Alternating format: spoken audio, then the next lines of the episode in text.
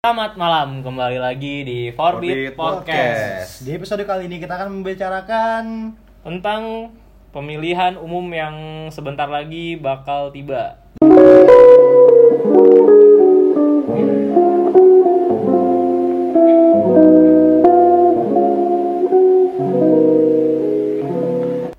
Hamin 6 dari sekarang tanggal 11 April 2019. tidak seperti biasanya ketika malam Jumat datang kita akan bicarakan podcast horor tapi kali ini Kita akan bicarakan podcast yang lebih politik. karena akan tiba tanggalnya nanti tanggal 17 April mendekati sih. Nih, Iya. soalnya setannya pada ini ya, prepare tuh. Iya, bener jadi banget, Iya. Lagi pusing milih siapa nih? Iya. siapa nih? Ini setan-setan ikut ini juga nih dia nih, ikut pemilihan nih. Di dunia pergoiban tuh FYI ya nih, tuh lagi pada sibuk juga. Nah ya. itu nganterin kotak suara gimana pak kira-kira? Eh, goib juga. Wah, intinya nanti bakal ada panitia-panitia goib lah ya. Iya. iya iya. Nih gue bingung tuh, pocong gimana nyoblos ya? Anjing. minta minta coblosin dibisikin anjing. Ntar ntar suruh nyoblosnya satu, eh nyolok yang dua. Aduh. Tadi gebrak meja. Anjing, ntar dia marah-marah tuh pocong.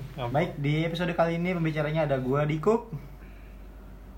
Nah, Nah, kan dia kan ini si anjing Kan tadi perjanjiannya nama samaran. Emang main Tinder aja si kampret. Gua tahu gue main titipan nama sama. Ya udah. Jadi berbeda dengan malam-malam yang sebelumnya kita karena pembawaannya politik dan kita juga Takut diserang takut netizen. diserang gitu kan ya tapi untuk si Dikuk ya terserah lah itu IG-nya lah ya cuma namain Fer Dikuk lah itu lo mau serang dia aja Berarti gua tidak akan Eh. mengeluarkan pertanyaan ofensif.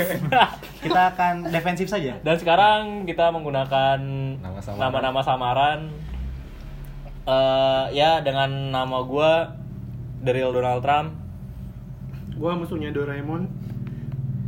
Gua Frodo belum balik. Sama ya adalah tadi si Dikuk loh itu Nyari cincin anjing. jadi Oke langsung aja. gimana nih eh buat kayaknya tadi udah ini banget nih udah yakin banget nih Oh iya itu ada satu teman kita yang udah Udah yakin, yakin banget ya. Karena gue nggak begitu mengerti politik, jadi gue akan mencoba kondusif mungkin. Tidak mengeluarkan kata-kata ofensif. Damai itu lebih baik, men. Oke oke. Yang oke. penting Indonesia maju. Di sini balik lagi ya. Jadi di podcast kita kali ini kita nggak eh, apa ya pokoknya kalau emang kayak misalkan gue punya pilihan gue ya gue bakal bersuara. Kalau misalkan kayak teman-teman yang lain punya pilihannya juga bakal bersuara. Ini bukan istilah bukan kayak untuk nyerang siapa nih. Coba caleg ini lebih bagus caleg ini lebih bagus. Enggak jadi saya kayak alasan kenapa sih kita milih dia gitu loh. Sama lebih apa kita uh, berusaha ngejelasin dari sisi yang lebih terbuka sih. Iya. Nggak cuma nyerang satu doang gitu. Jadi kan kalau yang kita lihat sebelum-sebelumnya kan para pendukung-pendukungnya kayak eh, dia tuh memilih yang ini karena dia nggak suka yang ini karena ini gitu loh. Jadi kayak ya udahlah kita nggak usah ngomongin gak sukanya kayak misalkan ya udah itu sisi gelapnya gitu nggak usah bawa negatif kampanyenya tapi Hmm. lebih ke positif kampanyenya dia mau ngapain sih gitu loh. Ya pertama si Dikuk nih Nah, betul. gimana nih Dik? Jadi menurut lo siapa nih dari buat Tadi awalnya sih sebenarnya gue. Sebenarnya sih awalnya mau golput ya. Kita kan juga semuanya juga bingung tuh ya. Hmm. Dua pilihan tuh. Kalau dari gue sih capres gue ya. Gue kayak masih milih Jokowi deh, nggak tahu kenapa deh. Soalnya dia yang gue liat, gue emang nggak nggak begitu paham sih sama sistematis kerja eh, kepresidenan gitu ya. Cuman yang gue lihat dia kayak orang itu eh, dekat sama rakyat gitu ya, jam, kayak zaman zaman Obama gitu kan. Hmm. Eh, security securitynya dibikin stres karena dia eh, lebih sering deket-deket ke rakyat kan bisa aja terjadi penyerangan tuh. itu sih yang bikin gue demen sama Jokowi dia lebih merakyat orangnya terus kalau masalah kerjanya itu gue belum eh, ngerti jelas gitu paling itu sih kalau gue kalau berarti lo lebih ngeliat sisi rakyatnya dia gitu ya kayak Iya. ya udahlah gue masa bodoh dengan nanti dia kerja gimana itu kan dia nggak kerja sendirian gitu mungkin Hmm, menurut lo gitu, gitu ya sih. bakal ada yang lain-lain tapi intinya lo suka kayak oh dia lebih ngerakyat aja tapi yang gue gitu. dengar dengar sih kalau misalkan Prabowo dia lebih ke militer gitu kenapa itu? Iya, maksudnya- Karena latar belakangnya. iya latar belakangnya. Dia kan dulu tuh pernah di eh, militer. Mm-mm. mungkin nanti cara pem- kepemit kepemimpinannya juga bakal serupa gitu gitu kali ya. Cuman gue nggak tahu dah.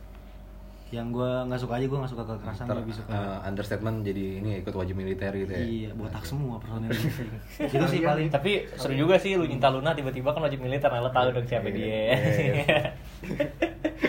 waduh bener nih. Bukan cewek ya. terungkap aja terungkap aja tapi ya itu balik lagi kayak ntar yang pada LGBT anjing gue nggak bisa jadi gue nggak bisa jadi LGBT ini. Yang pada operasi kelamin eh, tetap ikut wajib militer aja percuma ya dia pencitraan sosial media gue gue punya memek kok anjing. Iya. ternyata Ada. punyanya kontol anjing. Nah, siapa tahu ntar Jokowi bisa melegalkan LGBT. Nah gimana nih Nal nih?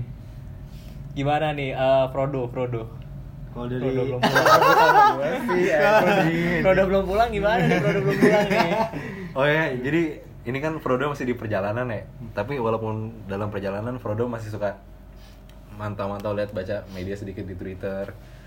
Sega dari dari kalau misalkan lo punya line lo bisa di- dilihat di line today juga kadang suka ada gitulah berita-berita gitu gue sebenarnya sejujurnya sampai sekarang gue masih belum milih ke siapa-siapa sih. Eh, karena gue gue juga gue takut salah milih terus juga karena gue pengen apa ya gue pengen lebih kenal dua lagi gue gue lihat kedua sisi jeleknya mereka. Dan gue juga ngerasa kayak emang dua-duanya tuh punya kejelekan masing-masing. Nah yang belum gue nemu nih sisi baiknya hampir gue hampir pengen milih suatu ini siapa tuh siapa tuh lo hampir pengen milih siapa tuh oke ini Frodo nih ya Iya, Frodo gimana Frodo? Frodo lebih memilih siapa nih? Kan Oh, dalam perjalanan mencari cincin, pasti kan Nama lu enak banget sih nama gue expose ya. Gak apa sih biarin kan gue gak offensive. lagi main Tinder anjing Iya. emang. Makanya jangan sambil main Tinder pak Oh, iya. Nah, gimana tuh? belum ada yang match Enggak tadi ada yang match, cuman dia nggak tahu dikira super like itu promosi. Iya, ternyata- di skip. Susah ditahan pak. Sulit untuk ditahan aja.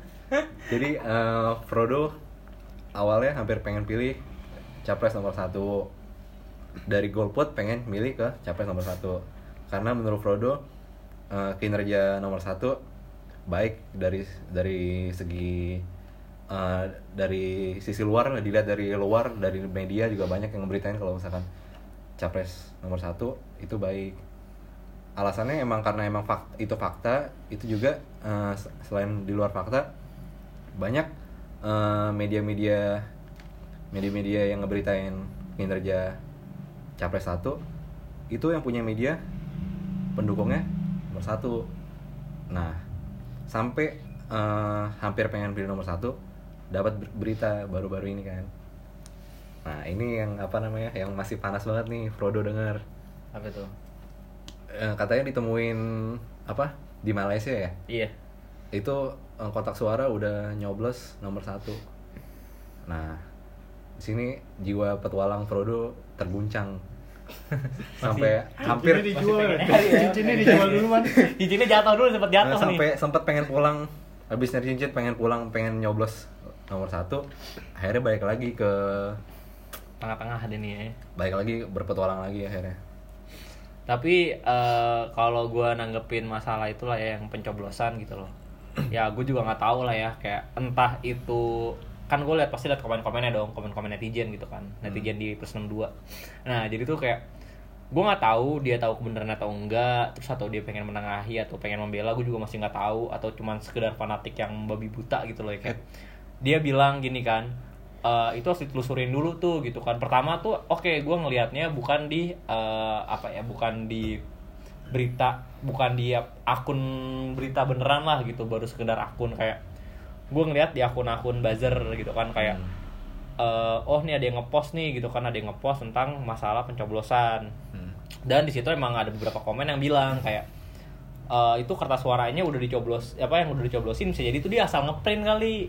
Ada yang ngebela nih gitu. Gue nggak tahu gitu kan. Ada yang asal ngebela terus dia bilang itu mungkin udah di print gitu kan udah di print terus eh, udah dicoblosin terus juga eh, kan siapa aja bisa ngeprint kertas suara katanya gitu. Terus eh, ya bisa jadi yang nggak suka nih yang nggak suka sama capres nomor satu dia ngelakuin pencoblosan itu gitu loh kan. Hmm. ya tapi gue mikir lagi dong kayak masa iya sih sampai seniat itu gitu loh. Masa iya sampai seniat itu dia ngeprint cuman buat ngejelekin doang gitu kan. Ya emang sih walaupun kasus yang si iya oh ya walaupun ada lagi kasus sebenarnya yang kayak si Ratna Sarumpait yang emang lebih yang dibilangnya dipukulin padahal di operasi plastik gitu loh. Itu juga lebih niat lagi sih cuman oke Pak. masa iya sih sampai seniat itu gitu kan. Dan sampai barusan banget gue cek itu dia masuk di kumparan. Masuk di media kumparan terus kayak oh mungkin udah udah lumayan valid kali nih gitu loh walaupun eh, belum apa ya belum sepenuhnya benar belum sepenuhnya kayak terbukti juga gue juga masih kurang tahu tapi intinya kalau udah masuk ke media sekelas kumparan ya mungkin udah lebih bisa dipertanggungjawabkan dari sekedar eh, akun-akun hoax Mas Tram mau gitu nanya loh. dong Mas Tram gimana tuh Eh, Mas Trump. kumparan itu pro apa netral Ini, Maksudnya, pa- ini pada ngerti semua gue doang. Nah, kalau masalah pro atau netral, gue gue juga kurang tahu ya. Cuman yang gue tahu di media itu kayak misalkan gini loh. Contohnya kayak ada dua kasus nih. hmm, Ada dua kasus yang bilang eh yang satu kan bilang ada tim ses lawan misalkan atau enggak kayak ditemukan kertas suara yang sudah tercoblos gitu kan. Kertas Hmm. suara yang sudah tercoblos gitu. Nah, terus ada juga yang satu lagi misalkan bilang ditemukan eh bu- ditemukan satu kertas suara yang sudah tercoblos eh yang sudah tercoblos caleg nama ah, apa sih yang udah tercoblos? Capres nomor satu Hmm. gitu kan yang satunya lagi. Sudah ditemukan kertas suara satu kertas suara bersama kertas suara yang lain walaupun masih dibungkus gitu loh posisinya. Jadi yang di, yang dibuka satu nih yang udah Iya. ketemu kecoblos tapi yang lain satu yang lain banyak tuh. Nah, nah kan dulunya sama-sama aja. Iya. Informasinya bener dong kayak misalkan yang satu ditemukan cuma satu nih yang udah tercoblos karena kan dia nggak sejuk cuma satu. Iya. Ya bisa jadi yang bilang satu itu yang pro eh yang yang pro dengan si capres nomor satu bilang ditemukannya cuma satu yang lain kan belum kebuka gitu. Cuman ada juga yang bilang kayak misalkan yang dicoblos itu udah tercoblos satu dan ditemukan lainnya masih dalam posisi di karung masih di plastik plastik dan itu kan juga dulunya bener dong. Iya. karena kan kita cuma ngeliatnya satu buktinya. Jadi kayak ya balik lagi kalau emang itu nggak diselidikin lebih lanjut nggak dibongkar semuanya dilihat bakal kita nggak bakal tahu Nggak gitu bakal loh. tahu. tapi kalau ternyata pas dibuka nih yang satu udah terbukti tercoblos. Nah terus yang sisanya pas dibuka ternyata tercoblos juga. Nggak mungkin dong orang seniat itu gitu loh. Nggak mungkin kayak orang mau bikin hoax cuman seniat itu sampai dia produksi massal produksi banyak di karung-karungnya udah dicoblos.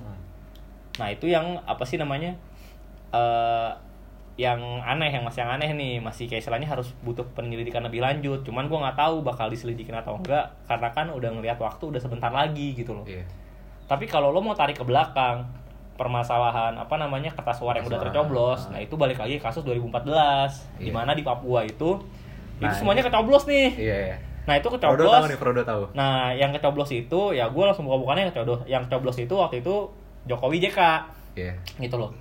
Yang Itu- bikin gue janggal itu kenapa eh, dalam satu provinsi provinsi yang lu yang kita lihat 100%. ya yang kita lihat tuh cukup besar provinsi Papua walaupun jumlahnya sedikit lah ya orang-orangnya pasti ada satu lah nah itu 100% tuh Jokowi Iya. gitu loh Jokowi JK nah gue nggak tahu di situ kayak misalkan kalau lo mau tarik ke belakang bisa jadi mereka sebenarnya nggak nyoblos dong udah dicoblosin gitu karena eh, sedikit fakta eh, itu kotak suara di Papua nggak nyampe nggak nyampe kan karena kesulitan fasilitas Nah, juga kayak jalanan gitu. juga Lagi juga kan kalau masalah ngomongin gini loh, dibilang oh sampai kok kertas suaranya bla bla bla bla pasti sampai. Sedangkan tuh yang gua kurang suka isu-isu yang terkait pengen pemilihan ini selalu ini bobo Papua, kesannya Papua itu terbelakang. Kesannya Papua itu aksesnya susah banget gitu loh. Terus kalau misalkan emang nih sampai saat ini akses ke Papua misalkan dari Jayapura ke Wamena emang jauh banget, emang susah banget. Ya kenapa pada saat itu bisa mencapai semuanya loh, itu nyoblos Iya, semua loh gitu loh. Itu kan yang masih harus dipertanyakan gitu Hmm. kalau dari gue sih eh, nyikapin yang kasus kasus-kasus yang kayak gitu ya. Gue nggak mau apa ya gue nggak gue posisi di tengah gue nggak mau kayak misalkan terlalu ah ini gimana nih? gitu loh. Kayak oh ini salah ini salah ini ya nggak juga. Biar orang yang lain biar pada inilah biar pada eh ini nyari jalannya sendiri lah biar nyari tahu sendiri gitu loh yang kebenarannya kayak gimana. Kalau dari gue sih nyikapin yang kasus kertas suara yang udah kecoblos itu ya kayak gitu tapi udah dikonfirmasi langsung kan ya sama KPU kalau itu bener kasusnya Kalau yang itu gue juga, gua. yang mana? yang ini Yang, di paling baru. Malaysia. Iya, kalau itu baru banget, gue juga masih belum tahu dah. Kalau itu gue juga masih belum Tadi belum nyari tahu. jam 5 sore baca karena emang udah konfirmasi Udah konfirmasi. KPU. Itu benar tuh. iya benar Udah dicoblosin. Nah, itu eh, kita nggak tahu deh nih Tinggal- siapa ini. nah tinggal KPU-nya aja sih nanganin nanganin ini gimana Iya. Udah ya di- kalau gue sih negatif thinkingnya ya mungkin namanya lagi di anter kan lagi ekspedisi terus saya nggak sengaja kecoblos gitu kan ya namanya ketusuk ya apa ada pinggir-pinggiran tusukan gigi apa apa ketusuk ya itu kan ya mungkin gitu loh mungkin aja masa Eh, uh, sih di nyoblosin So keren ya eh, pendapat tadi udah eh, Mas Trump sedikit mengeluarkan pengetahuannya doi sesuai dengan gelarnya politik apa presiden iya, Amerika kita Presiden jauh-jauh ngundang ke sini buat podcast sama kita. Salah Mas gue milih nama ternyata ya. Jadi Gokil sekali Mas gimana nih? Siapa? Tadi Musuhnya Doraemon. Musuhnya Doraemon gimana? Doraemon musuhnya siapa ya? Ya siapa ya? Doraemon ya? Udah tuh. Frodo Cuma- udah lama gak nonton Doraemon. Tuh, Baru alternate universe kali tahu. Gimana tuh? universe. Jadi musuh Doraemon Gimana nih musuhnya Doraemon nih? Menyikapi yang udah kecoblos. Gue boleh, gue boleh ketawa gak? Gue anjing Musuh Doraemon dong Kalau gue bilang sih banyak kemungkinan ya. Bisa aja tuh emang dari eh, apa pihak cawapresnya ini emang sengaja kayak gitu kan nge-planning kayak gitu atau mungkin ada oknum lagi yang mau sengaja ngejatuhin ya. Tapi ngejatuhin itu segitu banyak loh. Tapi saya kan niat nawa itu nih mah. Who Iya. kan? Iya Ya, ya, sih. tenang, tenang. Nawa itu bener nawa itu. Sandiaga Yunus. iya, nggak nggak salah sih gitu emang buat biar buat tahuan ya diproduksi Iya. massal ya. Bisa Ya, jadi. kalau menurut gue sih lebih baik eh, nunggu keputusan dari KPU-nya aja. Ini kayak koyo gua nih. Tempel lagi. Ditempel ulang dong anjir Kalau kata gue sih gitu aja ya. Ini ada pertanyaan lagi nggak nih? Gua jauh-jauh dari dunia Jepang. Nah, kalau menurut lo gimana nih musuh Dari Doraemon masa nih? depan ya, dari Buat masa depan ya. apa namanya? Buat pemilihan kali ini nih. Musuhnya Doraemon lebih udah sekarang udah udah gambaran belum mau milih siapa? Iya, gimana musuh Doraemon? Kalau gua pribadi sih kayaknya nyoblos galip aja tuh ya. Untuk dunia perburungan lebih baik itu. Anjing. Gue goblok. Kok bisa kenal sama bokap temen kita ya? Iya. Musuh Doraemon ya? Kan dari dari masa depan Masa gitu. depan. Terus terus Oh. gimana nih? Jadi gimana nih? Jadi gimana nih? Gokil Jadi gitu kalau gue lihat sih ini pem- apa pilpres sekarang tuh yang paling kacau sih hoax sama Sarah tuh Iya, lebih, lebih parah ya. dari apa Dari yang 2014 Tapi Iya. enggak sih kalau dibilang hoax sama Sarah lebih parah dibanding 2014, gua nggak setuju sih. Kalau misalkan di 2014 itu lebih terlihat loh, kayak misalkan lebih ke kotak banget ya. Kayak misalkan eh, yang pro Jokowi itu lebih ke sisi kanan, eh sisi kiri. Eh, kalau- Golongan kiri ya. Kalau misalkan Iya. yang waktu zaman dulu pas lagi di apa namanya eh, 2014 itu bagian Prabowo lebih banyak ke sisi kanan. Hmm. Orang-orang dari golongan kanan. Nah, kalau dibilang panasnya isu Sara, kalau menurut gua waktu itu sebenarnya sangat panas, tapi Instagram belum se-booming sekarang. Justru Iya, lebih jadi- main di Facebook. Iya, lebih jadi- main di Facebook, lebih main di blog-blog. 2019 semuanya anjing Jadi- nah, kalau di dua di, di Twitter parah di Facebook parah Sebenarnya di Instagram kalau parah. menurut Frodo sih apa namanya? Eh, sama aja sih. Mesti eh, stagnannya eh, apa namanya? eh, panasnya apa enggak masih sama sama 2014 cuma bedanya kalau Kurang kita 2019 expose mungkin. medianya lebih banyak. Iya, jadi kesannya lebih medianya lebih panas. banyak, Iya, benar. jadi kesannya lebih panas. Nah, terus juga gini di 2019 ini, kenapa gue bilang nggak begitu? eh, kalau menurut gue panasnya sih nggak begitu panas. Kalau 2014 kan sampai ada pencoretan, sampai ada dia tuh vandalis Iya, kan, iya, vandalis di apa sih Di namanya beberapa tempat kayak gitu. Nah, kalau di 2019 ini vandalis nggak ada. ada ada yang di Nggak- Jogja yang Sultan mati itu Hmm. kan tuh maaf maaf nih emang bener ada beritanya tuh Maksudnya kan nggak nggak terlalu apa ya, ada tapi nggak terlalu terekspos Iya. terus nggak jumlahnya nggak begitu banyak. Gue juga kurang tahu tuh kalau masalah itu kenapa nggak. Uh, dan gue juga sempat dengar sih ada pengrusakan gereja, ada penghancuran apa sih namanya Batu nisan. Batu nisan, gue juga tahu kalau masalah pembakaran itu. apa makam Kristen juga ya. Iya itu itu banyak lah chaos itu tapi uh, bukan di ibu kota tapi ada kita nggak memungkiri gitu loh itu ada dan itu antara oknum yang emang kalau sekarang yang gue lihat itu di 2019 ekstremis lebih banyak berbicara ekstremis lebih banyak uh, muncul lah di media gitu loh Iya. Jadi kayak buzzer. Nah, buzzer-buzzer yang menurut gue tuh terlalu ekstrim gitu loh. Dan gue juga sangat mensayangkan kayak justru sekarang kalau dulu jelas loh kayak misalkan eh, Jokowi misalkan kayak pendukungnya Jokowi itu rata-rata golongan kiri, terus golongan yang emang non muslim gitu loh waktu pada saat itu. Dan ada beberapa orang kreatif yang emang pemikirannya mungkin ya di- dilihatnya kayak istilahnya pemikirannya tuh terlalu, terlalu luas lah terlalu berani gitu loh. Itu pada saat 2014 lebih ke Jokowi tapi pada saat di dua- 2019 ini kayak mulai kepecah nih gitu loh. Dan Jokowi pun juga ngebawa Maruf Amin walaupun pada saat pada saat dia debat AFK anjing Iya. jadi jadi patung ya maaf maaf nih orang tua nih ya maaf nih maaf Gua takut dosa ya tapi lu nggak usah dibawa Ya, tapi- dong kalau AFK Enggak, doang Lu, lu ngapain minta maaf kan lu penjahat. Iya. Iya, lu Lu ngapain minta penjahat maaf? Doraemon. Iya, lu Kan musuh mas- Doraemon masih kan? punya nurani gue Oh iya, maksudnya ya ini Gua AFK. mau kasihin aja sama orang tua 70 tahun lebih anjing Gue gue keselnya gini loh. Dari segala dari apa ya? Segi umur gitu loh. Dari segi umur tuh ya maaf maaf nih kayak walaupun dia ulama tapi kan ada yang sebenarnya masih lebih muda gitu Oh. loh. Istilahnya lo kalau mau ngebawa tokoh ulama ya nggak usah Maruf Amin juga lah. Dia udah cukup waktu itu duduk bareng mutusin Soeharto buat turun. Hmm. kan waktu zaman di 98 itu kan Soeharto turun tuh banyak tuh ada ter- salah satunya itu tokoh yang diskusi sama Soeharto dia pantas turun atau enggak itu ada Maruf Amin di situ.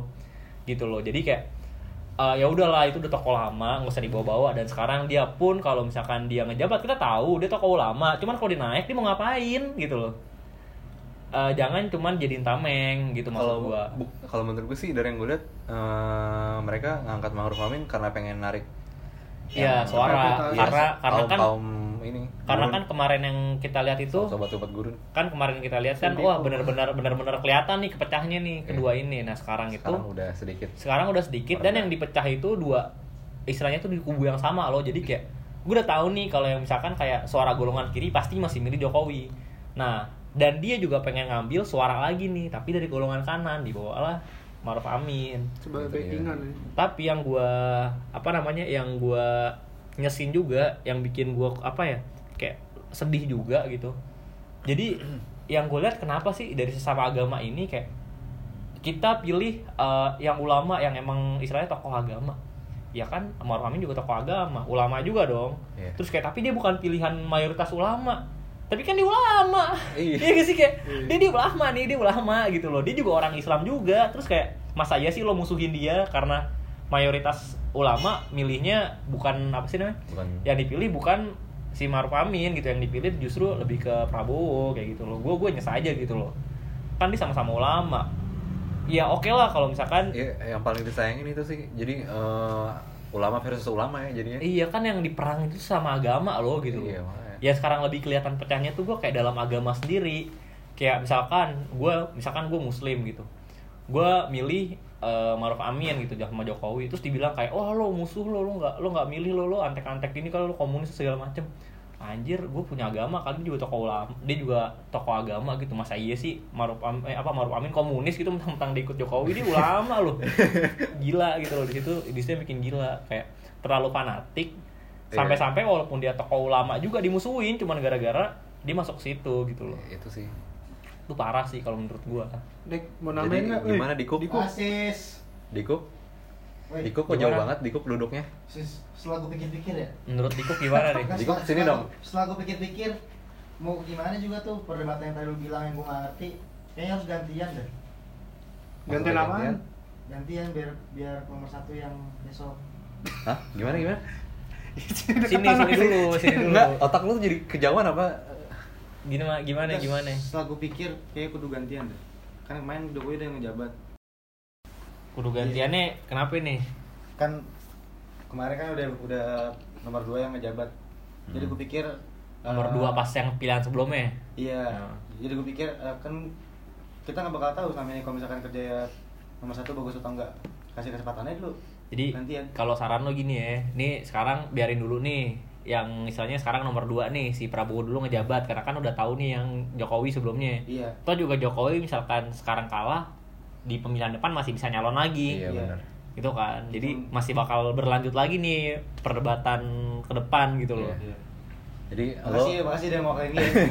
jadi lo pengen nyari angin baru gitu istilahnya. Iya. Iya. Jadi biar cooling down dulu dan nih kayak istilahnya eh, dari sisi nomor 2 ini gak banyak teriak gitu loh kan karena selama ini kan lumayan banyak suara gitu loh masalah kepemimpinan Jokowi gitu loh. Hmm. Jadi kayak biar nanti sama rata nih. Karena yang gue lihat kalau tipikal orang Indonesia tuh gini loh. Kayak misalkan eh lo suka sama orang nih atau lo suka sama ya public figure lah gitu loh lo nggak peduli sama misalkan kayak kalau ada musuhnya nih musuh public figure ini kayak oh lo gini giniin idola gue lo gitu kan ya lo pasti bakal nyerang yang nyerang dong Hmm. tapi sedangkan pada saat idola lo itu ngelakuin hal yang dilakuin sama musuhnya tapi lo diem aja gitu loh kayak justru kayak lebih bungkam gitu lebih Iya. nggak memperlakukan secara adil gitu sih kalau yang gue lihat makanya biar kelihatan dulu nih gitu loh ya udah pada saat nanti dia ngejabat gimana sih yang menurut Dika kayak gitu sih yang yang gue tangkep gitu Sama loh juga. Benar gitu Dikup? Betul. Jadi Diko se- apa dikasih namanya dia? di Sebenarnya? udah udah ketahuan dia nama gue Dika nih. Frodo masih kurang jelas. si sama yang disebut Namanya sama nih. tiga loh. Jadi gimana nih? eh, ada yang mau diobrolin lagi gak kira-kira? Tetap Ada nih nih ben, eh, nih banner ini nih oh, anjing nih. iya Iya. bener. Ini. Nah sekarang kan Jadi kan balik tadi kan eh, pil- apa pilpres presiden- kan presidennya sekarang udah kita ngomongin. milih milih empat nih ya milih empat nah tadi kan capres udah gitu kan nah terus masalah capres ya istilahnya balik kalau saran dari kita kita nih ya kayak terserah lah kalian mau milih siapa nih capresnya antara nomor satu atau nomor dua karena kalau gua nih sebagai kalau gua nih ngasih masukan ya sampai sekarang gue juga masih rada bingung karena menurut gue bukannya kayak gue bukan bingung karena dua-duanya kayak sama-sama baik nih kalau menurut gue kalau misalkan bingung bukan karena dua-duanya sangat sama-sama baik gitu. Istilahnya itu lebih kayak gue pengen kondangan.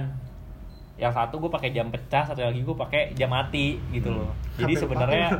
Ya kan intinya kayak gitu. Oh, iya. lo pengen pergi kondangan. Analogi nih. analoginya nih gue pengen pergi kondangan tapi gue bingung gue pengen pakai jam pecah ke kondangan apa pakai jam mati ke kondangan? Kan dua-duanya bingung dong kayak misalkan Iya. gue pakai jam pecah pasti pas gue jalan Ih kok jam lu pecah? Lu ngapain pakai jam pecah? gitu loh. Terus kalau misalkan gue pakai jam mati terus tiba-tiba ada orang nanya eh jam berapa ya? Hmm sih jam 2 ya kayak gitu loh.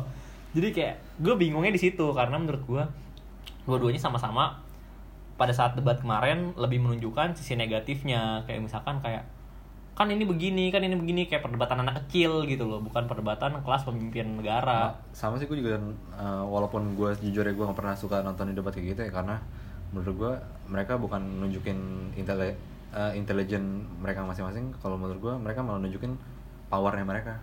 Ini kayak ini apa? dibanding Kayak kecerdasan mereka gitu loh. kayak apa sih? Lomba cerdas cermat anjing. iya. Iya lebih kayak gitu. Makanya gue nggak nggak nggak nonton debat kayak gitu. Jujur gue kalau misalkan kemarin ya kemarin nih salah satu capres misalkan diserang sama capres yang lain terus tiba-tiba salah satu capres ini nggak ngebales serangannya. Justru kayak dia lebih uh, ngebales dengan planning dia ke depan. Jadi kayak misalkan contohnya nih dibilang kayak dari taruhlah kayak salah satu kubu bilang kayak tapi kan BPJS ngantri gitu misalkan. Di like misalkan kayak BPJS ngantri gue nggak bakalan ngebahas kenapa BPJ kenapa eh, istilahnya kayak emang bapak bisa apa sih nanti? Gue nggak bakal kayak gitu. Kayak gue nggak bakal ngelempar kayak nggak bakal kayak gue nyari ngejatuhin dia gitu loh.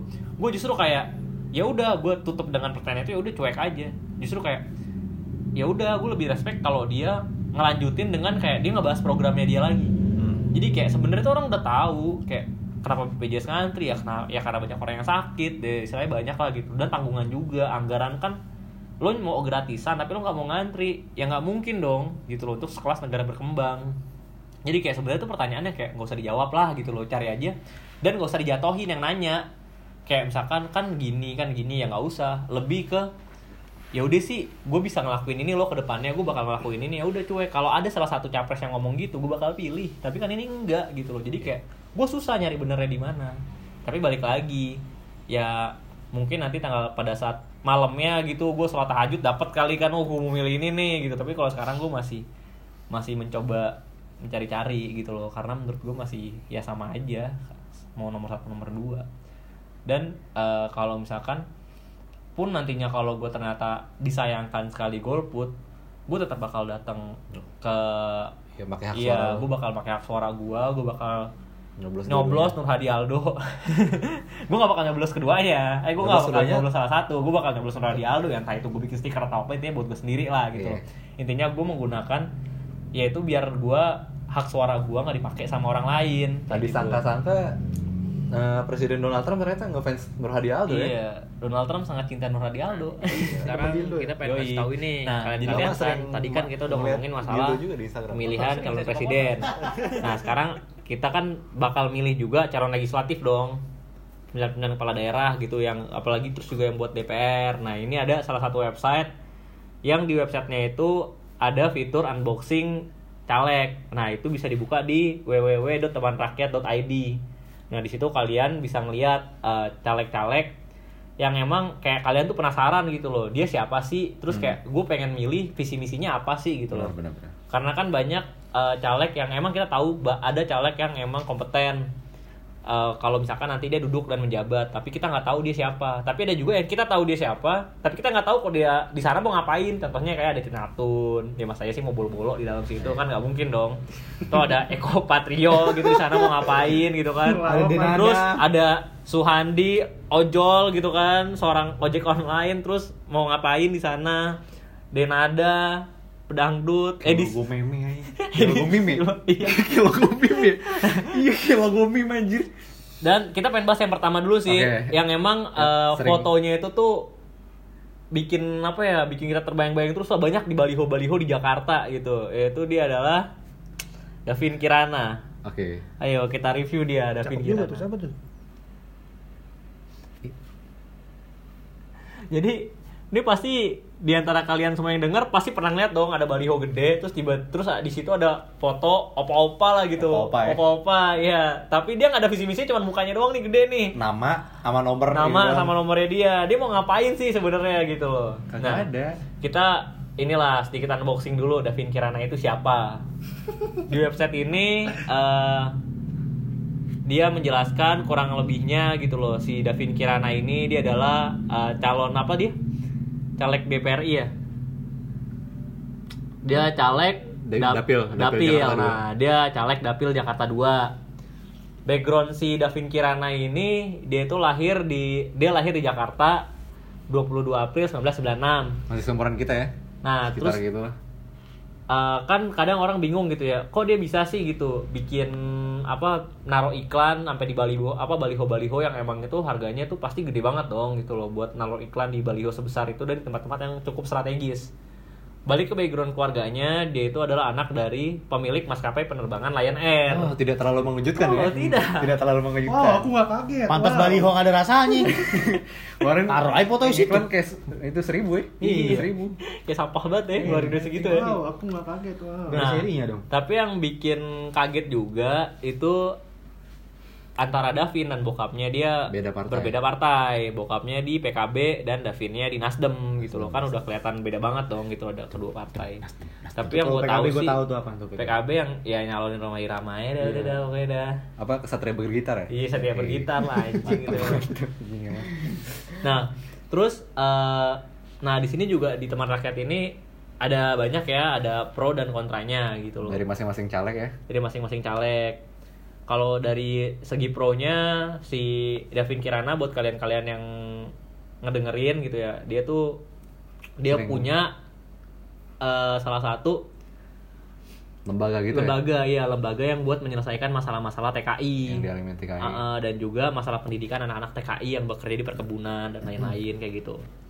Tapi eh, ada sisi kontranya juga gitu, ada sisi kontranya beliau kontranya fasilitasnya ditin masih Iya, sama semuanya ayahnya. masih fasilitas dari orang tuanya gitu loh. Dan dia juga kan baru banget lulus dari universitas.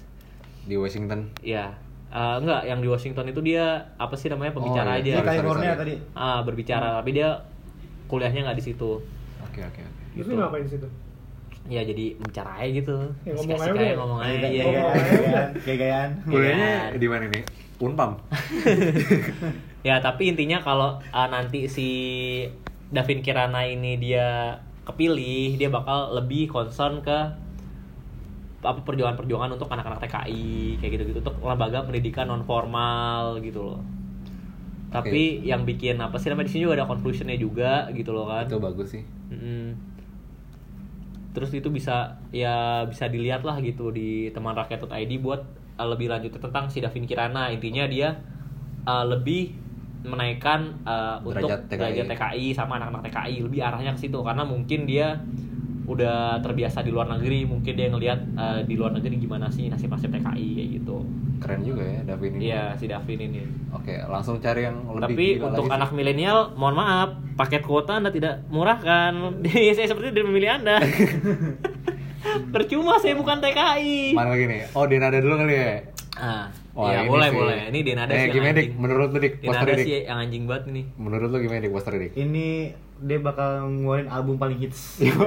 buat yang nggak tahu ya, buat yang nggak tahu tuh kalau lo buka di teman rakyat.id itu ada posternya si Denada itu dia, gua nggak ngerti lagi. Dek ngangkat Ya. tangan, ngasih unjuk toket ya gede banget anjing. Kan gue berapa sumpah. Ada yang tahu IG-nya nih? Ya Nah ini ini ada sih lo kalau lo kalau mau nyari bisa sih lo cari Priority Denada. nih untuk- Tapi buat buat yang nggak tahu Denada itu dia dapil di DPR RI Jawa Timur 8. Iya. Itu buat Mojokerto Jombang ya. Mungkin orang-orang Jombang, Nganjuk, Madiun mungkin suka yang penyanyi dangdut kali ya. Gua nggak ngerti deh. Tapi marketingnya keren juga sih Pan ya. Eh, Nariknya iya sih, orangnya dari nariknya orangnya cuman kan yang mau ditanya lo mau ngapain anjing lo Iya. mau goyang ntar di DPR gitu. Ya eh. mungkin bisa jadi dia mau digengbeng kali ya nanti ya. Eh, menurut opini gue aja kan bilang buat menarik itu ya menarik menarik nih. Bukan bukan suaranya yang ketarik nih. Yang ini juga ketarik ini nih. Kelernya ketarik ya. Iya. Enggak emang kalau menurut gua ini kurang pantas lah gitu loh buat jadi caleg. Apalagi Terlalu kan vulgar. ya terlalu vulgar gitu. Dan dia juga banyak kok caleg-caleg perempuan lain gitu loh. Caleg-caleg perempuan lain yang emang posternya lebih sopan Tapi gue mau milih dia. Kalau dia beneran ngeluarin album hits. ya paling ntar kita tunggu aja skandal ya di Super Semar Iya. Super Semar Fit Semar-semar udah tutup anjir. masih ada anjing di Twitter masih banyak. Nah kalau buat yang nggak tahu nih selainnya sisi negatif dari posternya aja ya, kita kayak kita sedikit ngejelasin lah tentang si Denada ini gitu loh. Dia terlahir di Jakarta 19 Desember 1978. Nama lengkapnya Denada Elizabeth, nanti bisa dilihat. Ya. Nah, meme Denada pertama kali dikenal publik saat merilis single Sambutlah walaupun kita nggak tahu ya Sambutlah itu Ternyata tuh intinya lagu apa kagak ya? ada ini politik ya semuanya kayak eh, ranah musik kayak gitu doang gitu. Iya, ranah musik gitu. Dan gue tapi gue juga nggak tahu gitu walaupun orang bilang dikenal publik saat merilis lagu single sebutlah, gue nggak tahu sih sebutlah pernah itu gue lagu. nggak tahu gue nggak pernah denger Gue nggak pernah denger gitu. Jadi kayak percuma anjing lo bilang kenal tapi gue nggak kenal gitu kayak lo salah lah kalau untuk milih background lah ya di situ. Gayanya cuek emang sesuai dengan genre musik rap. Tai. Siapa yang mau milih? Enggak, musik rap, tapi lo kalau lihat lo kalau buka teman rakyat.id lo lihat dia penyanyi dangdut anjing, bukan penyanyi rap. Iwaki mana ada gitu foto kayak gitu ya. Seorang rapper gitu. Banyak juga ya penjelasannya. Ya, bisa lihat lah penjelasan backgroundnya dia menurut gua Tapi masa nggak nggak penting gitu loh ya walaupun dia menang MTV Oh, Indonesia. ternyata dia cuma lulus SMA malah. Nih nih, coba. Oh. Eh, sorry, Donald Trump maksudnya. Pak Donald Trump. Ternyata dia cuma lulus SMA. Cuma Oh iya. Iya. Dan dia cuma lulus SMA, gitu anak SMA yang backgroundnya nyanyi lagu sebutlah tapi kita nggak tahu sebutlah itu apa. Nah, pro-nya dia ya kita baca dari sisi pro-nya. Walaupun tak banyak informasi yang bisa ditemukan tentang kiprah Denada sehubungan dengan kualitasnya sebagai calon legislator Anda. Apalagi belakangan kabar Denada dominasi berita terkait sang buah hati yang mengidap penyakit leukemia atau alias kanker darah. Aduh, kita tuh berduka. Turut berduka Mas De- eh, Mbak Denada maksudnya. Iya. Ing apa kan Cowok, caleg halal dagunya. emosional ya. Terus eh, jadi yang pro-nya itu di sini cuma dikasih unjuk ketangguhan Denada juga terlihat dari coba gagal, coba gagal dan coba lagi dalam urusan pencalekan. Tak menyampingkan kemungkinan kekehnya Denada ini sebagai ambisi, tapi kita juga tak bisa menutup mata dengan hebatnya daya juang Denada yang terus mencoba berjuang. Ternyata prosesnya Jadi pro-nya itu dia tetap terus ambisius. berjuang, Ambisius, ya, ambisius aja. Jadi pro-nya Denada ini ambisius aja. Ambisius. Jadi kalau misalkan eh, anda-anda semua yang Iya. orangnya ambisius cocok Ya, milih Denada. jadi kayak Ambisius misalkan ya. orang nanya nih Buat kenapa sering-sering gagal. Iya, kenapa Mungkin- harus milih harus milih Denada sering gagal ya. Iya. Udah gitu dong, gitu. nasib ya. Iya, kelebihan dia seperti itu aja kayak Oke, lo teman-teman. remedial sampai tiga kali empat kali lo tetap ikut remedial Eh, lagi. visi misinya gagal. Gagal, gagal itu belum tentu nggak bakal kepilih Oke, gitu loh. Jadi kayak dia apa mungkin bisa milih ya, mungkin bantulah orang-orang Jawa Timur lah, pilih dia lah. Karena sangat meyakinkan sekali ya Denada Iya. ini. Eh, kontranya kayak nggak usah disebutin lah, anda baca sendiri aja lah. Gue juga malas baca kontranya. Oke langsung cari caleg yang lain ya. Ya, cari caleg lagi yang lain. Wah ini kayak keren nih mal ini mal. Edi, Edi Susilo berani bela petani. Keren sih itu fotonya kayak meme gitu loh. Iya kayak meme gitu loh. Sumpah lu harus lihat sih. Kita buka aja langsung ya Iya. Edi Susilo. Dia Jujur Frodo juga kurang tahu Edi Susilo ini siapa. kayak oh dia dari Dapil Sumatera Selatan. Oh, Nasdem juga ya. Nasdem, tapi, baju merah. Jadi jadi kan dia penyusup. Mungkin. Penyusup. Penyusup masuk ke Nasdem. Tapi Dari kalau PDIP dilihat dari ya. wilayahnya ya, dari dia Sumatera Selatan, Oku Timur, eh, dia kan memperjuangkan petani. petani. Ya itu mungkin emang bener sih karena kan dia concern di sana sih gitu loh kayak yang diperjuangkan yaitu nasib-nasib petaninya. Sesuai sih dengan apa yang dia janjikan lah ya. Oh, tapi justru latar belakangnya dia eh, lebih sering di sektor industri daripada pertanian. Dari profilnya ini bisa dilihat. Jadi dia bertani apa pengusaha tuh nah? dua-duanya kayaknya sih ya. Oh iya. Oh, maaf. Tapi sekarang banyak loh. Doraemon. Doraemon. Banyak loh tokoh-tokoh ini, tokoh-tokoh di apa namanya politik sekarang rata-rata dari pengusaha. Gue Iya. juga masih kurang tahu lah ya.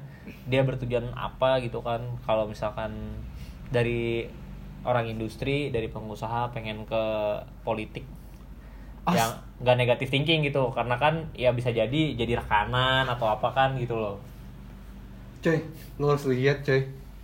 Di, be- di beberapa artikel berita di Susilo disebut berusia 33 tahun. Ternyata doi kelahiran 90. wow Dari fotonya tua umur sekali. 40-an ya. iya gue kira umur 40 Dari foto 40-an ternyata doi masih umur 29 tahun. Waduh, sangat mengejutkan ya. Wow, tidak kaget gue. Frodo salut sih. Mungkin bapak gue baru umur 10 tahun anjing. Pendidik pendidikan terakhir eh, beliau di Universitas Sarjana Wiyanata Yogyakarta. Tak disebutkan jurusan apa yang diambil beliau. ya nggak apa-apa lah Wow. Tapi intinya concernnya dia ke tempat dia dapil mungkin masih nyambung lah gitu Iya. Beliau perlu dengan rahasia ya. Rahasia Ya, buat usia teman-teman. usianya juga sebenarnya rahasia ini. ya usia rahasia banget ya tapi kenapa dibuka kenapa anda membuka ya intinya untuk kalian-kalian yang mendengarkan eh, dia adalah di Sosilo dapil dari Sumatera Selatan Oku Timur 5 bisa dilihat di teman rakyat kalau pengen tahu lebih jelas tentang Edi Susilo terus kita lihat lagi nih. Ada nah ini kan hot banget nih. Ada Bapak Suhandi. Dia dari PKB ya. Gua eh, lumayan bingung gitu loh kalau sama PKB kenapa dia nyalonin orang-orang yang menurut gua ya cukup absurd. Jadi kayak sebelumnya kita tahu di 2014 dia ngusung Roma Irama mau jadi presiden. Eh, dia mau ngapain gitu loh kalau jadi presiden gitu. Dan sekarang kayak tapi kita jangan asal ngejat juga kayak misalkan oh dia bisa apa sih gitu loh Sohandi si Bapak Sohandi ini dia kan cuman ojol gitu tapi visi misinya apa sih nah sekarang kita bisa bedah di teman rakyat kita bakal ngebacain juga eh, backgroundnya gitu loh sedikit tentang si Bapak Suwandi. Bapak ini. Suwandi yang merupakan seorang ojek online Di eh, gambarnya Bapak Suwandi eh, pakai jaket ojol ya, Iya. warna hijau ke hijau, emang hijau selalu emang sih. hijau semua sih Iya. itu kayak jaket kayak grab deh Grab kayaknya. Iya, kayak grab sih Terus Nah. eh, dia keren lah pokoknya lah kacamata kan. Nih kita baca ya ininya ya.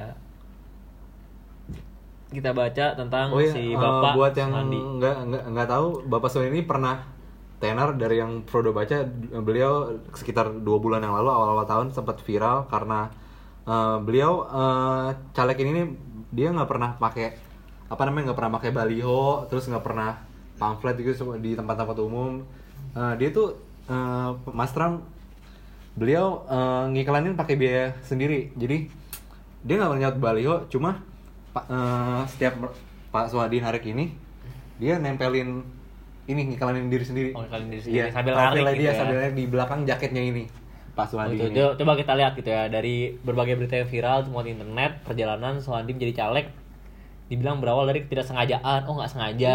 Wow, tidak sengaja. sangat tidak sengaja jadi caleg gitu gue juga pengen nggak sengaja jadi caleg gitu.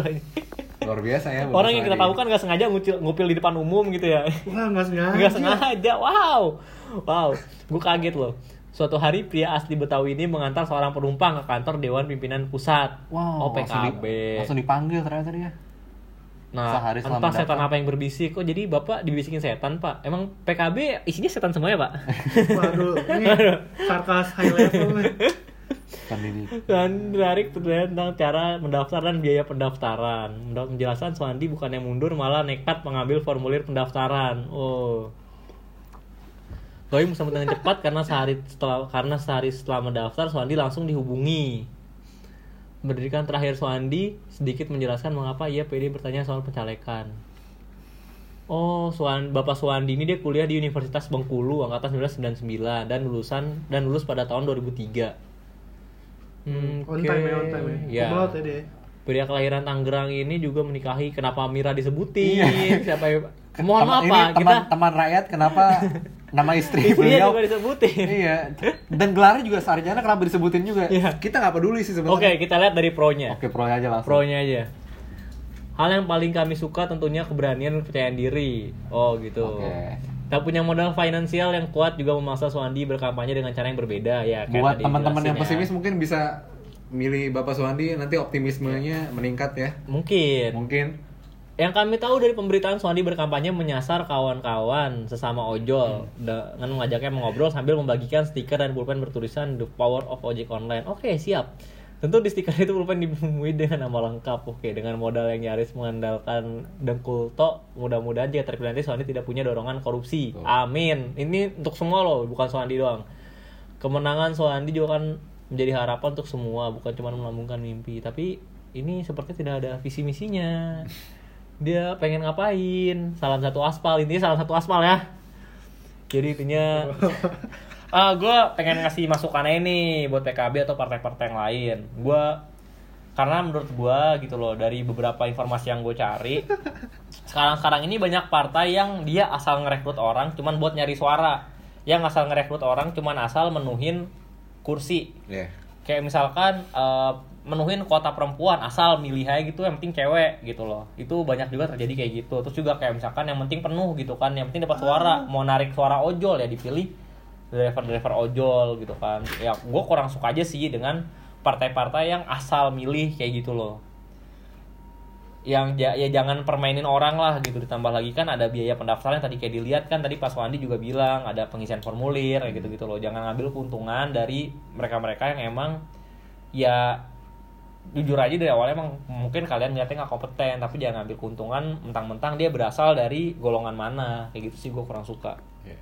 terutama PKB karena gara-gara anda bapak saya tahun lalu mencoblos PKB karena Roma Irama bangsat Eh, Bapak Donald Trump ngefans sama Roma Irama. Enggak, saya tidak suka. sangat point. Sangat, sangat. Eh, Dikuk bisa merapat dikit karena sudah akhir Coba gimana Dikuk mau Dikuk? mau ngelihat siapa nih? Calegnya nih. Mau ngeliat caleg siapa Dikuk? Dikuk Oh enggak. Oh enggak, Dikuk kamu ngeliat caleg. Mau ngeliat caleg siapa Dikuk nih yang mau dilihat nih? Hmm. Kayaknya kita browse lagi. Frodo habis perjalanan jauh sudah mulai lapar Frodo. Nah, kayak gue kenal nih Wanda Hamida nih. Yang Cicak Kan Kuswoyo. yang di depan ini nih, depan gang kita kan ada poster ini. Iya. Kayak ini artis semua ya. Kayak kayak apa sih? Iya, ini juga kan? artis, ini artis. Nah, gue Ada kayak kayak buka kayak buka ini tuh apa? Website buat gosip tuh orang-orang artis semua. Kayak Lampitura ya. Nah, ini cakep Ini nih. ini ya, ini deh. Jadi Anda pengen lihat cuma gara-gara cakep ya? Oke, siap. gue cuci mata aja. Oh iya. Oh, jadi eh, musuh Doraemon suka yang bening-bening Nah, ya? ini nih, Tina Tunanya. Tinatun masih coba-coba ya? Bukan kobok-kobok deh. Itu Coba gimana Dikuk, saudara Dikuk? Lihat saudara Dikuk. nih, lo kan masih nyari-nyari nih coba lihat Masih nyari, si masih nyari. Tinatun gimana nih menurut lo nih coba biar dia baca reviewnya nih. Hmm. Eh, belum Coba baca gimana? Ada bantengnya tuh di bajunya tuh. Hmm. Tinatun. Sekilas tentang Tinatun nih. Kira tentang Tinatun. Coba tolong di review, preview. Tinatun mengebrakan belantikan musik anak-anak di akhir tahun 90-an dengan sosoknya yang imut, cabi, dan lengkap dengan ciri khas goyangan kepala memutar. Hmm, ambigu ya. Kepala yang muter. Nanti pas udah kepilih jadi goyang-goyang mulu Iya, kali makanya ya. Bisa jadi. Bahaya sih. Iya. Gua Bahaya, bahaya. khawatirin dari, kesehatan dari si Tinatun si ini. reviewnya di sini ah masih coba-coba. iya. Eh, Berarti dia nggak niat, sebenarnya nggak niat Ini ya nyoba doang ya. ya. Iya. Berarti dia nggak ada niat kemen Coba menang. pro Mungkin pronya juga- gimana nih pro-nya, nih? kita juga belum tahu nih dia mau ngapain gitu kan. Ah, Pro-nya, gimana nih? Buat pemilih, kepopuleran Tina tentu tidak ada artinya. Lah, ya, tidak ada artinya. Popularitas seharusnya memang bukan alasan pemilih mencoblos nama Tina di kertas suara. Yang lebih penting adalah kapabilitas dan integritas caleg yang bersangkutan. Jadi, hmm, Jadi Tinatun ini pernah diwawancara televisi nih. Hmm. Dia mengakui ya tak menampik punya modal popularitas. Berarti dia mengakui dia punya modal popularitasnya dia nih. Hmm. Jadi karena dia terkenal dia berani nyalonin. Ya, Nah, tapi dia sadar dia masih punya tugas berat meyakinkan calon-calon pemilih mengenai kapabilitasnya. Nah, si Tina, mu- si Tina juga masih muda dan bebas dari catatan buruk dalam persoalan hukum. Oh, gitu doang jadinya. Hmm. proses dikit ya, cuma ada tiga paragraf kecil gitu. Iya. tapi ini Konsep kontranya banyak juga. Ya kontranya Bisa kayak bisa, dibaca baca. sendiri lah ya, bisa Iya. tahu juga gitu loh kontranya. Kontranya secara garis besar dia nggak ada pengalaman caleg sama sekali. Ini kesimpulannya nih, ah masih coba-coba tuh. Iya. gitu. langsung. Nah, terus eh, dari yang kita pokoknya untuk kalian-kalian semua yang pengen tahu tentang caleg-calegnya bisa buka di www.temanrakyat.id. Kita sangat nyaranin banget. Iya, karena ya kurang lebihnya ada di situ semua. Tapi kita juga pengen ngasih saran nih buat karena kan sekarang banyak pemilih-pemilih eh, yang bisa dibilang tuh dari generasi Z nih. Jadi kayak banyak pemilih yang emang isinya anak muda gitu loh, yang emang kelahiran 98 sampai 2002 lah karena kan dia di tahun di pemilihan yang sebelumnya kan belum bisa milih, belum bisa nyoblos dan ini pertama kalinya nih. Nah, buat kalian yang generasi Z lah gitu yang bisa dibilang tuh suara kalian nih sekarang lagi pengen banyak diambil karena jumlah generasi kalian lebih banyak dibanding generasi-generasi sebelumnya. Iya, sebelumnya. Dan juga banyak-banyak partai yang emang memanfaatkan orang-orang muda atau orang-orang misalnya atau partai-partai meng, apa ya memanfaatkan isu-isu yang emang kesannya tuh generasi Z banget gitu loh buat biar dipilih tapi balik lagi sebagai generasi Z yang emang di yang emang dibangga-banggakan lah yang emang dibilang melebihi generasi-generasi sebelumnya termasuk generasi milenial gitu loh nah generasi Z ini kan yang istilahnya itu yang dibilang sebagai pengubah lah sebagai yang istilahnya yang sekarang tuh bakal jadi eh, apa ya istilahnya dia tuh bakal memimpin nantinya dia juga bakal punya pemikiran yang lebih luas karena dia Jumlahnya juga lebih banyak dari generasi Iya, lebih sebelumnya. banyak dari generasi Apa kalau di Amerika namanya Mas Trump baby boom, baby, boom, ya? Iya. Oke. Jumlahnya tuh lebih banyak dibanding yang istilahnya generasi-generasi sebelumnya. Nah, termasuk generasi Z ini. Jadi jangan asal pilih gitu atau juga jangan cuman kayak eh, dia mengusung ini nih yang gue suka gitu. Tetap yang kalian suka harus dilihat dulu dampaknya positif negatifnya apa. Karena kayak kemarin sempat ada dari eh, apa namanya PSI Partai Solidaritas Indonesia tuh partai baru yang itu emang yang saya lihat gitu dia lebih ngambil pemi apa suara-suara dari generasi Z karena isu-isu yang diangkat termasuk sensitif tapi termasuk banyak terjadi di generasi Z ini Iya. kayak misalkan memperjuangkan ya hak LGBT, LGBT. atau apa dan itu gue nggak pro ataupun kontra masalah itu dan gue bersikap netral tapi intinya Tunggu sebentar. Ma- ini di negara timur Mas saya Ram? di di negara barat ini dari barat ngelihatnya kalau di barat itu oke oke saja tapi Bukannya kalau- Mas Trump eh, setahu Frodo mendukung gerakan LGBT ya di negara Mas Trump? Apa Ah. Mas Trump cuma pencitraan aja? oh itu jelas pencitraan untuk gitu. mendapatkan suara Oke, siap. siap. Enggak, intinya kalau di negara barat eh, saya mendukung Oke. tapi kalau untuk di Negara negara, timur timur, enggak. ya enggak Iya, lah balik lagi karena saya ingin berpesan kepada kalian semua kita tinggal di negara timur kalau kalian kalian tidak ingin mengikuti ada timur ya silakan pergi ke barat Oke. kayak oke, benar, gitu benar, intinya kalau untuk isu sensitif seperti itu eh ya gimana ya masih banyak pro dan kontra dan versi terlalu berani. Dan juga istilahnya dilihat lagi jangan cuman dari unsur kebebasannya tapi dilihat lagi dia tujuannya untuk negara apa. Ya balik lagi lah semuanya kan nanti bakal diserahkan kepada generasi Z ini nih masa depan negara ini gitu loh. Mau dibawa Ya, ke mana ya harus- terserah kalian Jadi generasi Z intinya Mas Trump harus benar-benar teliti buat milih Iya. sesuatu. ha. Jangan cuman kayak terbuai ada kata-kata yang kayak oh gue suka nih satu kata doang dari dia. Jangan satu kata tapi lihat di balik itu ada apa lagi. jangan pernah tergerus mainstream, jangan pernah ikut mainstream, harus apa-apa harus di double check lagi semuanya. Iya. Untuk generasi Z. Apalagi kan wawasan mereka pasti lebih jauh dong dibanding generasi-generasi sebelumnya karena kan mereka bisa dengan gampangnya ngakses media, dia mau buka apa, ngakses informasi internet gitu loh. Jadi bisa lebih tahu wawasan-wawasan yang emang terus background-background yang emang kita nih generasi-generasi yang lama yang mungkin belum tahu tentang apa yang bakal dilakuin selanjutnya, apa ya, istilahnya apa yang bakal uh, dilakukan tapi kalau generasi Z lebih tahu lah gitu lebih bisa nyari sampai ke dalam-dalamnya sih yang pengen kita istilahnya tuh yang pengen kita arahin ke situ jadi jangan jangan terbawa emosi karena masih muda jangan berantem dengan sesama teman sesama keluarga gitu loh Ya, Cuman gara-gara beda- beda pilihan. Satu, satu tongkrongan jadi tawuran, jangan lah. Iya, tapi jangan kan satu tongkrongan lah dan tongkrongan itu juga bisa pecah karena beda Iya. pilihan gitu loh. Tetaplah intinya mau siapa pun yang kalian pilih, mau itu presidennya siapa atau legislatif yang bercandanya itu siapa, ya intinya kalian-kalian jangan sampai terpecah belah. Kalian boleh memilih, kalian boleh mendukung, tapi jangan fanatik, jangan fanatik, jangan berlebihan gitu. Oke, makasih eh, Mas Trump buat masukannya untuk musuhnya Doraemon mungkin ada tambahan Iya, sedikit. masukannya gimana? Pesan, pesan saya waspadalah, waspadalah. Oh. Nah, Ternyata selama ini musuhnya Doraemon itu Bang Api ya? Bang Api ya.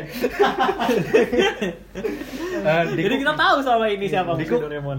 Ada Pesannya tambahan? gimana nih buat para pemilih-pemilih di generasi Z, Iya. apalagi di tengah panasnya politik nih? Kan mau banyakin apa? Di- Pecel gitu di pinggir-pinggir jalan. Kalau dari gue balik lagi kata Jamal tadi ya, nah, ada ada beberapa caleg yang kita tahu siapa dia tapi kita nggak tahu dia bakal ngapain kan ketika duduk di bangku DPR nanti kan.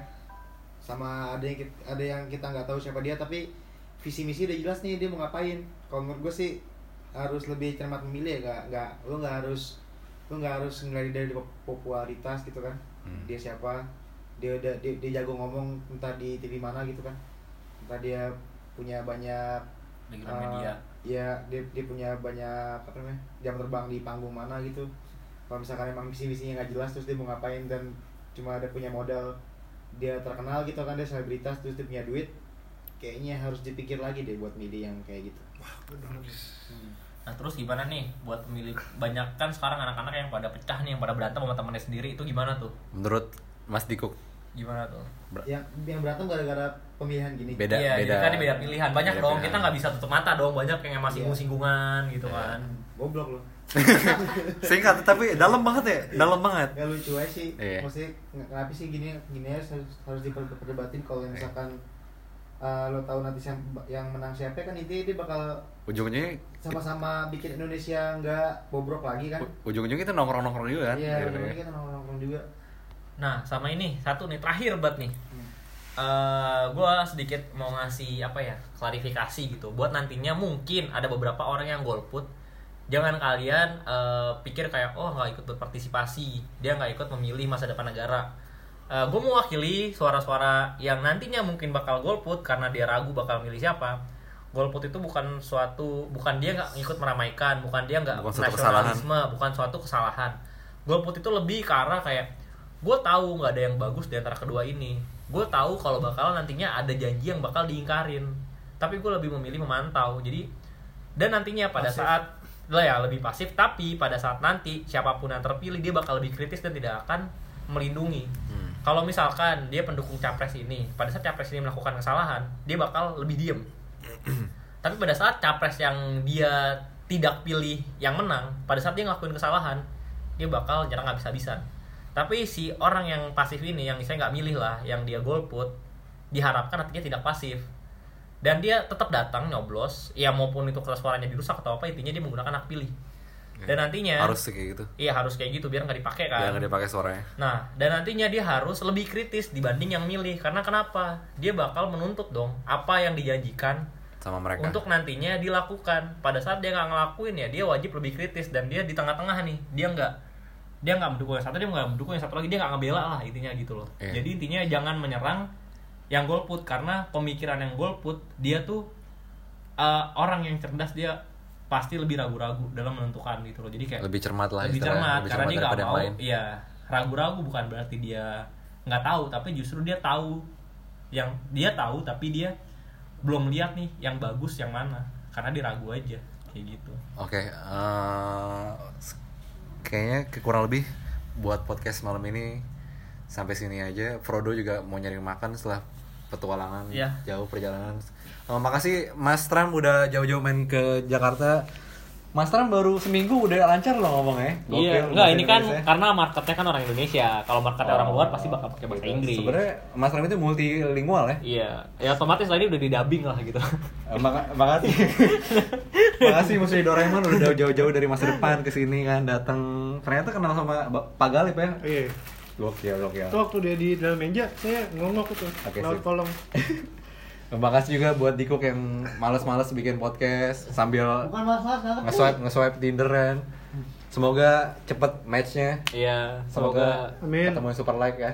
harus di mention sekarang ya aja kan Oke, eh, makasih buat teman-teman yang udah dengerin. Ya, sampai jumpa Di di episode episode, yang selanjutnya ya. Yo, selamat Bye. malam teman-teman.